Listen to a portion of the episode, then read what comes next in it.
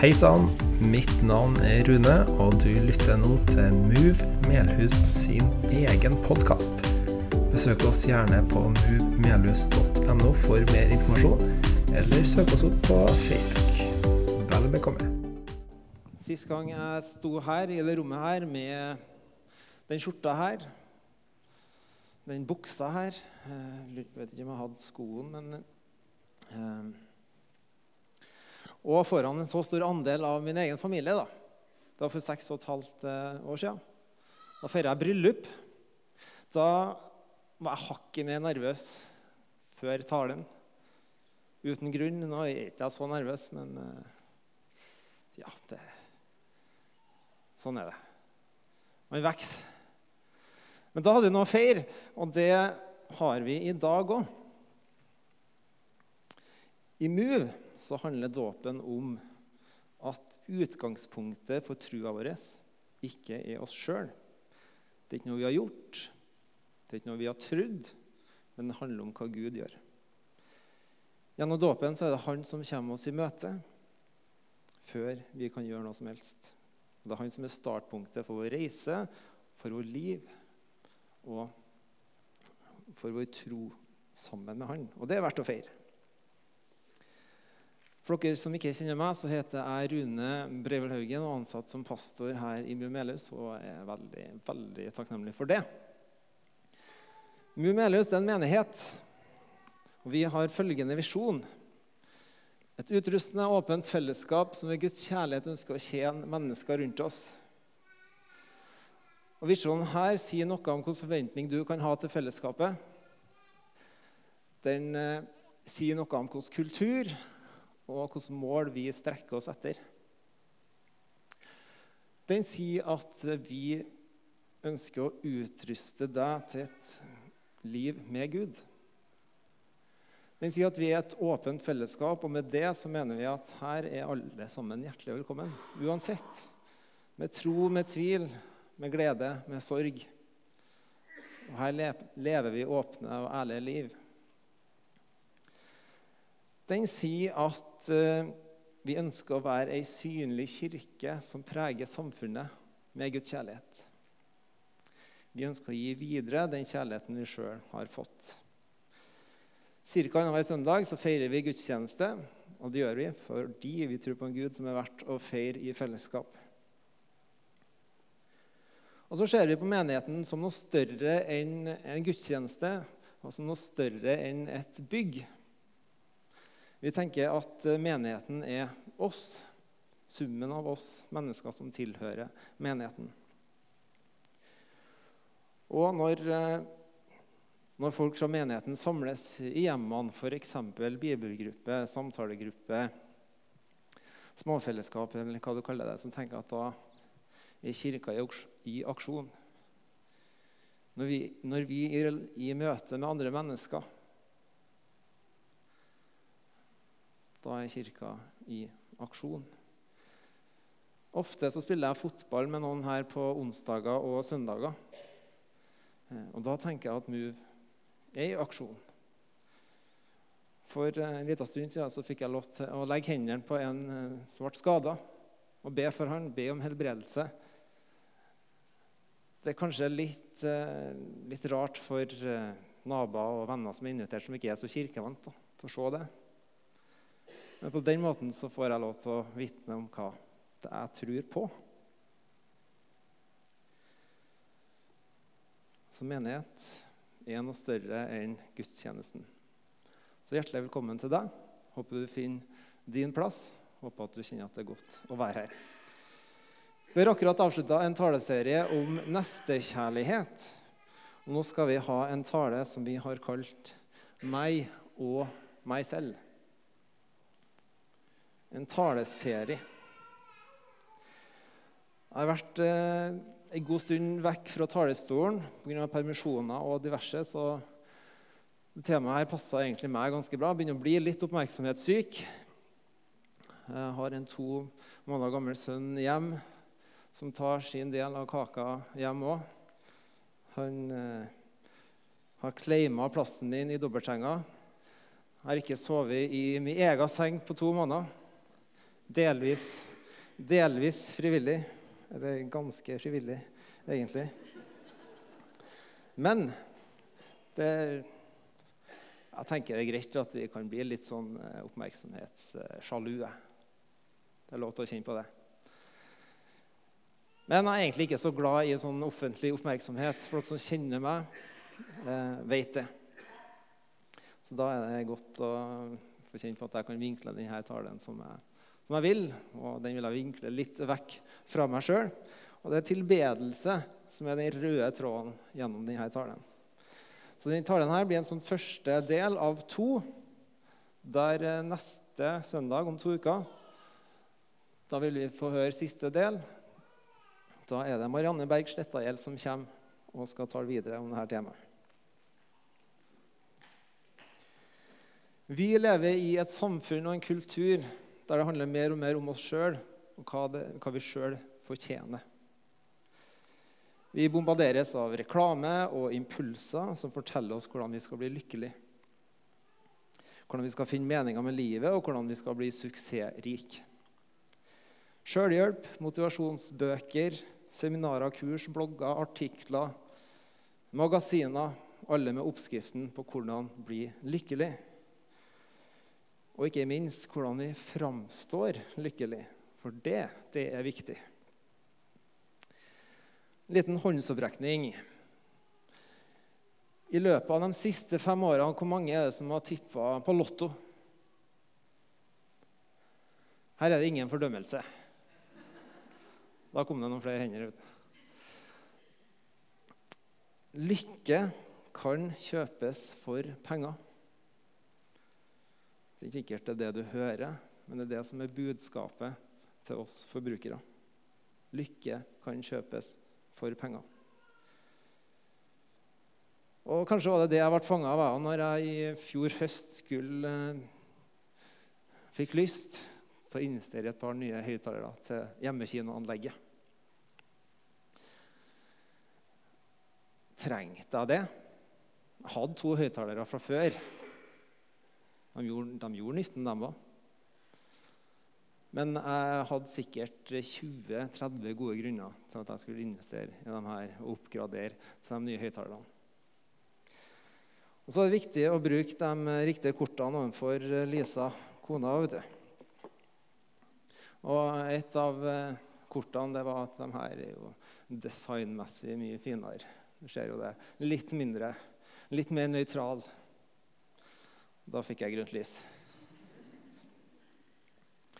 Så ble jeg kanskje fanga litt i den der det skulle gjøre meg litt lykkeligere. Etter sosial, sosiale medier dukka opp, så det er ikke sikkert det har blitt at vi sammenligner oss mer, men det har i hvert fall blitt mer åpenlyst hva som er andres lykke. da.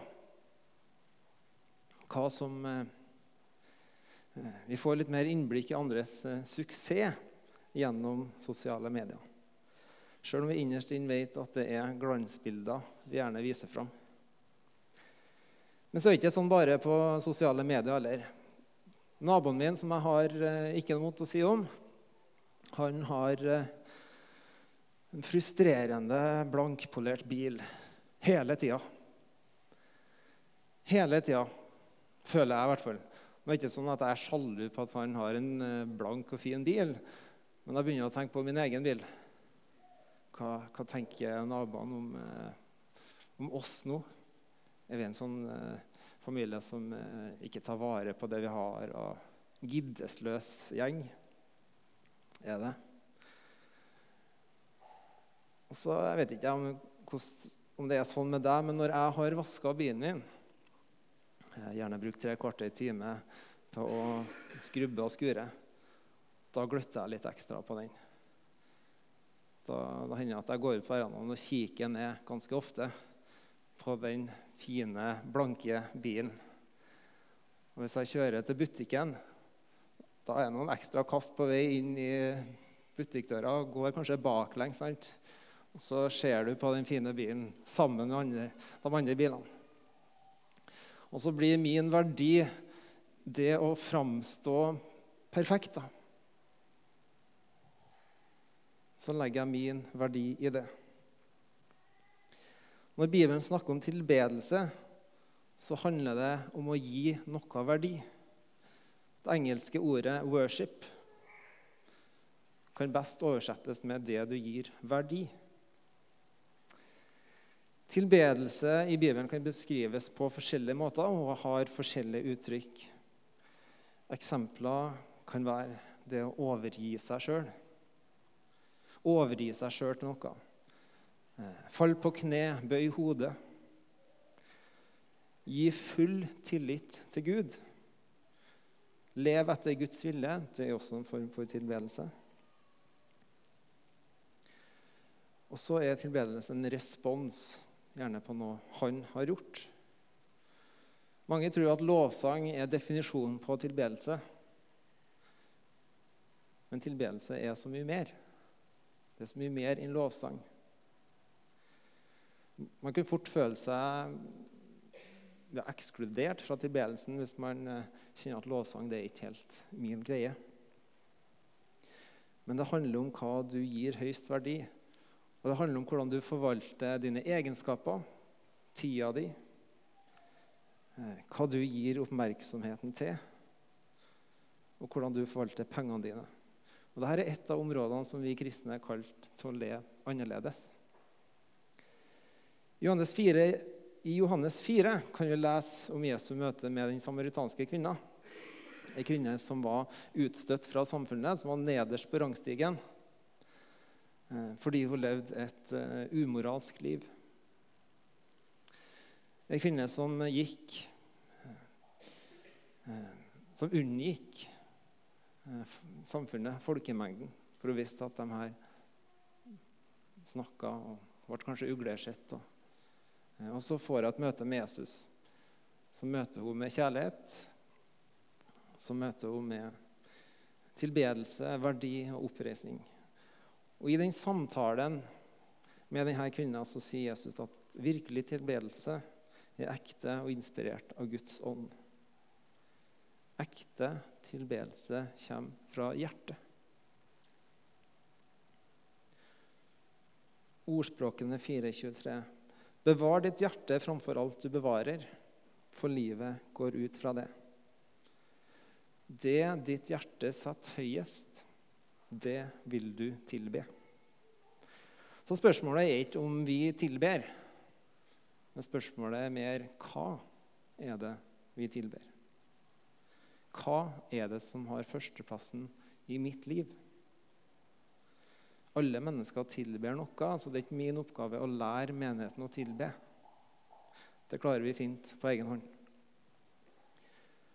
Høsten 2007 så var jeg på Lerkendal. Jeg, fikk, jeg hadde fått eh, billett gjennom jobben. Coop Ops Elektro, der jeg jobber, sponsor til Rosenborg på den tida. Rosenborg skulle møte Valencia i Champions League. Jeg så for meg at nå skulle hele, alle kollegaene dra og se kamp sammen. Eh, men det var bare to billetter, så det var sjefen min og meg. Var ikke så lenge siden jeg hadde starta. Det var litt, sånn, litt småkleint. Jeg hadde en sånn litt mer profesjonelt forhold til han gjennom jobben. Eh, så jeg halvgrua meg litt, men, eh, men, men, det gikk fint. Det gikk fint. Og så skjer det noe når Rosenborg skårer. Hele Lerkendal, omtrent i hvert fall, hele Lerkendal reiser seg opp, løfter hender og roper og kauker av glede. sant? Rosenborg har skåra mot Valencia i Champions League. Og det er stort for dere som ikke er interessert i fotball. Det er veldig stort. Og så helt instinktivt så kaster jeg meg rundt sjefen sin hals. Og han rundt min, og så står vi her og hopper og kauker. Det var helt, helt naturlig å gjøre det. Vi mennesker vi trenger ikke å lære tilbedelse. Det klarer vi fint. Og det, det, klarer vi fint på egen hånd. Og vi er perfekte tilbedere fra fødselen av. Spørsmålet er ikke om vi tilber, men hva er det vi tilber? Fotball har gitt meg mange gode opplevelser, og kanskje flere av dere òg. Men fotballspillere er dårlige guder. De kan gi oss mye bra, men de kan vinne for laget sitt. Men guder Det er de ikke. Vi må gjerne ha forbilder. Når vi begynner å tilbe, så vil vi bli skuffa fordi de er mennesker. En person som jeg ofte lar meg inspirere av, er pastor Rick Warren eh, fra Sadback Church i California. Noen som har vært der? Ja, flere som har vært der. Eh, det er kirke som har ca. 22 000 besøkende i uka i gjennomsnitt. Han har skrevet en bok som heter 'Purpose Driven Life', eller 'Målretta liv', som den heter på norsk. Den er oversatt til 85 forskjellige språk, solgt over 30 millioner eksemplarer. En bok som jeg anbefaler å lese. Der han begir seg ut på spørsmålet hva er meninga med livet. Den første setninga i den boka det er Det handler ikke om deg, som også er en rød tråd gjennom boka i motsetning til mange andre som eh, prøver å få svar på, gi deg svar på meninga med livet. Men han sier altså at det handler ikke om deg. Senere så snakker han også om tilbedelse, der han sier at uh, tilbedelsens kjerne er overgivelse. Og som jeg nevnte i starten, tilbedelse handler om overgivelse. Hva er du overgitt til? I Matteus 6,24 sier Jesus.: Ingen kan tjene to herrer. Han vil hate den ene og elske den andre, eller holde seg til den ene og forakte den andre. Dere kan ikke tjene både Gud og mammon. Mammon er dette bildet på penger, eiendom og formue. Vi kan ikke ha full tillit til penger og samtidig full tillit til Gud. Vi kan ikke overgi oss fullt og helt til penger og overgi oss fullt og helt til Gud. De vil på et tidspunkt komme i konflikt med hverandre. Og Jesus er klar i sin tale at det, er en Gud, og det er Han vi er skapt for å tilbe. Det er Han vi skal overgi oss til. Overgivelse det er vanskelig, om ikke umulig, hvis vi ikke stoler på eller har tillit til Gud. En interessant historie finner vi i andre krønikebok, kapittel 20. Historien handler om Josiafat, som var konge i landet Judea ca. 800 år før Kristus. Han hadde akkurat fått vite at det er tre store hærer som er på vei til å angripe Juda. Og matten er enkel. Tre store styrker mot én. Det er dårlig odds. Men jeg liker responsen til kong Josefat. Vi leser fra kapittel 3, vers 3. Da ble Josefat redd, og vendte seg til Herren for å søke råd hos ham. Så ropte han ut en faste over hele Juda. Judeerne samlet seg for å søke råd hos Herren. Fra alle byene i Juda kom de for å be Herren om råd. Det er ofte sånn at når vi står overfor en krise eller en stor utfordring, så skal vi prøve å løse alt sjøl. Jeg tror vi går altfor mye i egen kraft. Og så blir bønn på en måte en sånn siste utvei. da. Men for Josefat så var det det første. Det var det første han gjorde, å legge situasjonen i bønn. Og så oppfordrer han hele landet til faste, noe som vi snakker altfor lite om i kristne sammenhenger. Faste handler om å gi avkall på noe som vi vier oppmerksomheten vår til over en, i en periode. Og hva har det med tilbedelse å gjøre? Hva har bønn og faste med tilbedelse å gjøre? Jo, det handler om å overgi seg i tillit til Gud. Tillit til Guds planer og løfter. I krigføringa her så var paradoksalt overgivelse Josafats første strategi. Og vi kan lese at hans neste strategi var å sette lovsangerne fremst i troppen. Jeg lurer på hva min reaksjon hadde vært hvis en høytstående offiser fra militæret hadde ringt meg, eller kong Harald hadde ringt og sagt at nå, nå kommer Russland med en hær som er tre ganger så stor som den vi har klart å mobilisere. Kanskje litt fordomsfullt med Russland. jeg vet ikke. Nå kommer de med en tre ganger så stor hær. Rune, ta med deg lovsangerne i Move. Dere skal stå framerst. Ta med gitaren din. Dere skal synge. Det er vår strategi og plan. Jeg vet ikke hva jeg hadde tenkt. Eh, er du helt idiot, eller? Jeg vet ikke om jeg har sagt det til kongen, men jeg hadde i hvert fall tenkt det. Men det var altså det Josjafat gjorde. Han satte lovsangerne fremst i troppen, og de skulle synge 'Pris Herren' for hans miskunn varer evig. Da har du sterk tro. Da har du tillit til Gud. Men samtidig sier det oss noe om krafta i tilbedelsen og lovsangen. Historien ender med en overlegen seier til Judea. Etter seieren så responderer folk med tilbedelse.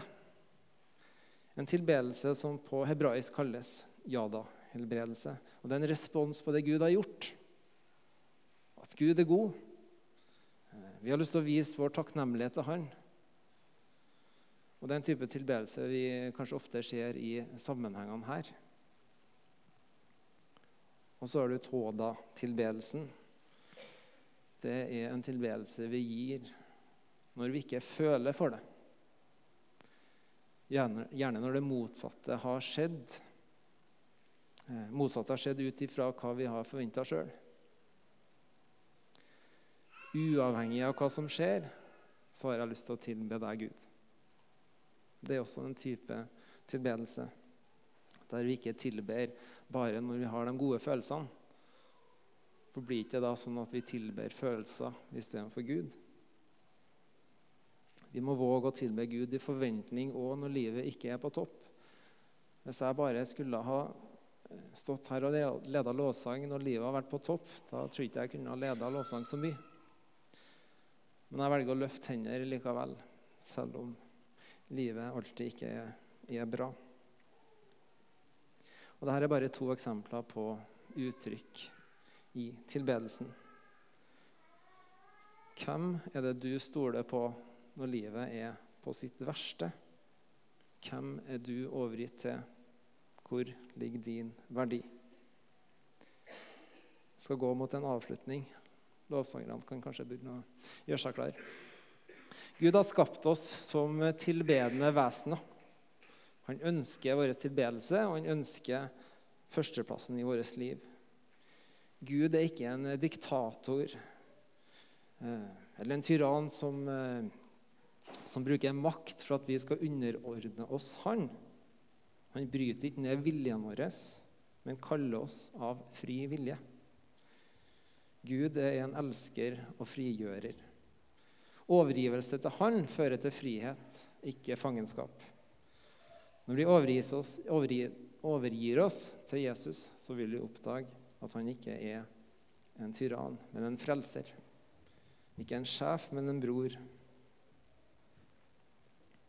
Spørsmålet er ikke hva eller om vi tilber, men hva vi tilber. Som menneske så har jeg ufattelige store begrensninger. Jeg kommer alt til kort, altfor kort til den standarden som Gud har satt. Jeg makter ikke, og jeg klarer ikke å leve opp til den standarden. Jeg gjør feil hele tida, og jeg klarer ikke å rettferdiggjøre meg sjøl. Derfor er jeg så glad for at trua mi ikke er en religion der jeg er nødt til å gjøre masse ting for å bli god nok.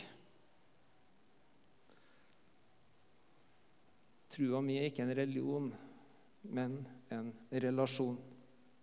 Jeg ønsker å tilbe Gud som en respons, ikke som en aktivitet. Uten frihet så kan ikke jeg tilbe Gud. Gud han er definisjonen på kjærlighet. Han har valgt å elske oss, Vi tvinges ikke til å elske tilbake. Det er vårt valg. Hvis det ikke er av fri vilje, er det da kjærlighet? Gud viser sin ultimate kjærlighet da han lot sin sønn Jesus dø på korset og tok sin straff, eller tok vår straff, på seg. Så høyt elsker Gud akkurat det, at han valgte å gå i døden for å tilbringe evigheten med deg.